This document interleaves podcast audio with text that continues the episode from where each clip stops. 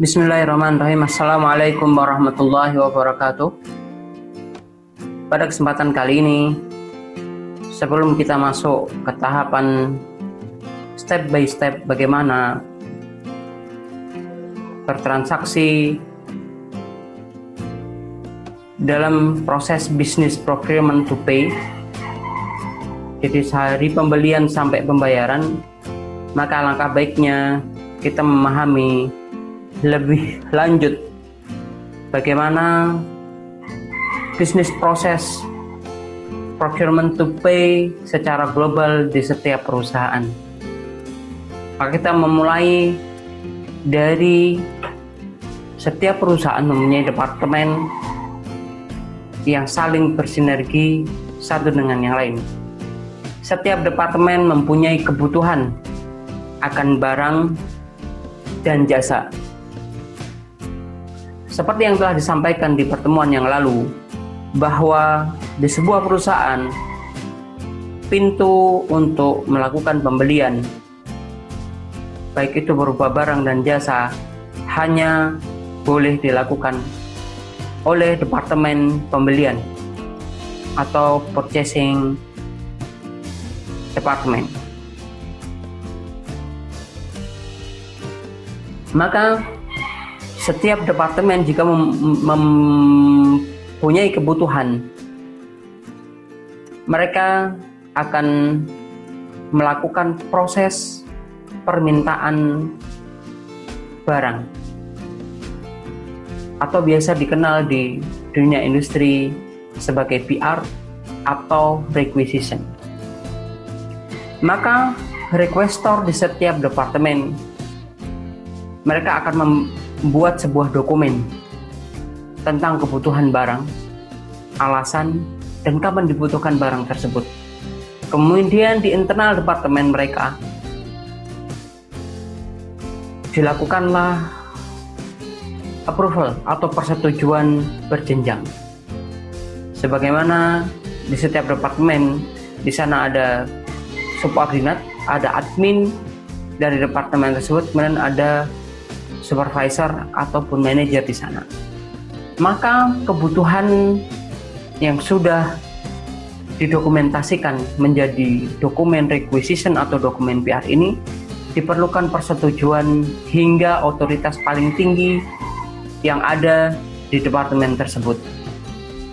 Ketika proses di internal departemen selesai, maka selanjutnya dokumen akan diserahkan kepada departemen pembelian untuk dilakukan pembelian.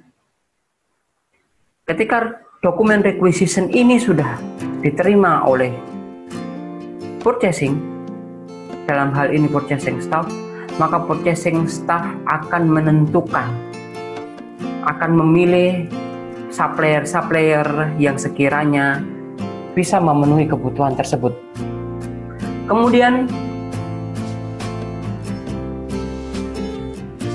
purchasing staff ini akan meminta penawaran dari masing-masing supplier terkait dengan harga, terkait dengan payment term, terkait dengan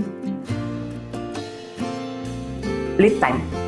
Lead time dalam hal ini adalah kemampuan mereka menyediakan barang tersebut, tersebut dalam ukuran waktu. Maka setelah mendapatkan semua penawaran dari supplier yang memungkinkan untuk men memenuhi kebutuhan barang tersebut, maka di sini purchasing staff melakukan vendor selection, memilih mana yang paling tepat, mana yang paling optimal kemampuannya untuk memenuhi kebutuhan yang ada. Setelah terpilih vendor, maka dokumen requisition yang sudah terbentuk dan sudah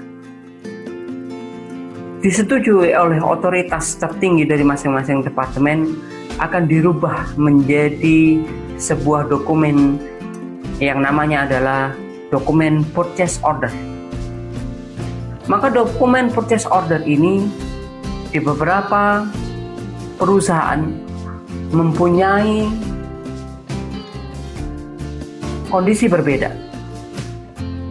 Ketika sudah dirubah dari requisition tadi.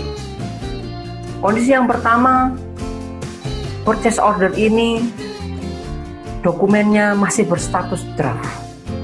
Artinya dokumen purchase order ini masih memerlukan approval berjenjang di dalam rantai yang sudah ditentukan oleh masing-masing organisasi. Biasanya dari purchasing staff, dokumen status ini menjadi draft, kemudian mendapatkan persetujuan dari manajer purchasing. Bisa jadi berlanjut kemudian harus mendapatkan approval dari manajer finance atau bisa jadi memerlukan approval lagi dari general manager. Bisa berlanjut memerlukan approval dari direktur utama atau bahkan dari business ownernya. Jadi ini di tipe perusahaan yang pertama. Bisa jadi kondisi PO-nya masih memerlukan approval berjenjang.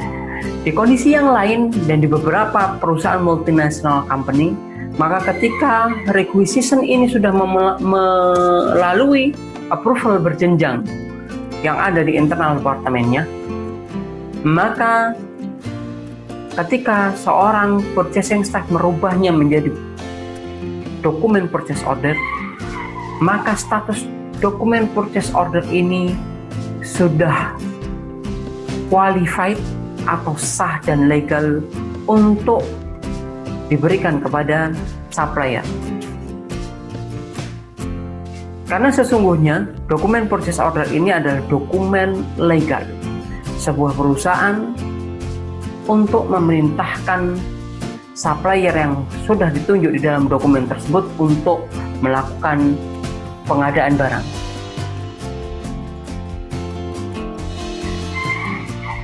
Kembali lagi, ketika dokumen purchase order ini sudah komplit, kemudian dikirimkan kepada supplier, maka supplier akan melakukan penyediaan barang dan melakukan pengiriman.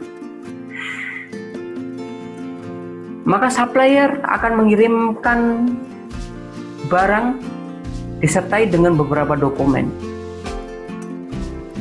Sebagai bukti, baik bukti bahwa barang yang dikirim adalah barang yang sesuai dengan permintaan dari perusahaan dan dokumen yang memberikan bukti bahwa telah dilakukan penerimaan barang. Maka supplier akan mengirimkan barangnya kepada bagian gudang, bagian warehouse. Maka ketika bagian warehouse di perusahaan tersebut mendapatin ada barang datang, maka yang pertama kali dilakukan adalah warehouse staff ini melakukan pengecekan terhadap dokumen yang dibawa oleh driver dari supplier yang bersangkutan. Kelengkapan dokumen biasanya yang standar diperlukan adalah kopi purchase order dari perusahaan tersebut, kemudian faktur penjualan dari supplier, kemudian delivery order atau surat jalan dari supplier. Dan beberapa dokumen tambahan yang lain mungkin bisa disertakan antara lain bisa jadi adalah dokumen hasil pengecekan kualitas produk tersebut di supplier. Setelah kelengkapannya dirasa cukup dan memadai, maka staff warehouse atau gudang ini akan melakukan penerimaan barang. Dia akan melakukan pengecekan dari aktual barang yang datang dengan dokumen purchase order yang ada dan delivery order yang ada. Ketika semuanya sudah sesuai, maka barang yang diterima akan disimpan di gudang.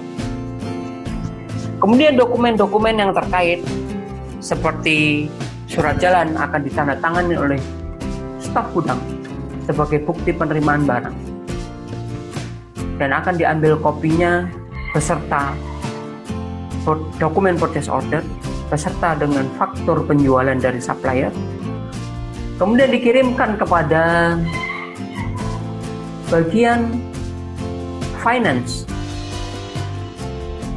yaitu biasanya kita sebut sebagai AP staff atau payment staff jadi bagian pembayaran di departemen purchasing maka ketika faktur pembelian dari faktur penjualan dari supplier atau biasa kita sebut dengan purchase invoice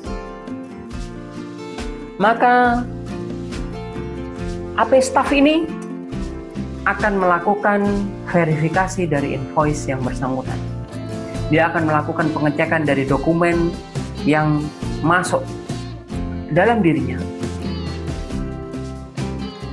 Kemudian mengkonfirmasinya dengan bagian gudang dan bagian pembelian. Ketika semuanya sudah match dari sisi dokumen antara PO, surat jalan, delivery order, dan faktur atau invoice ini sesuai, maka diproseslah pembayaran kepada supplier yang bersangkutan.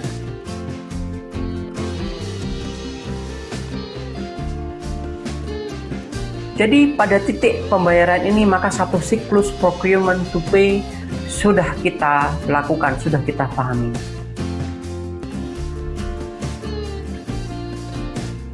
Kita cukupkan materi kita kali ini di dalam tema bisnis proses procurement to pay di sebuah perusahaan.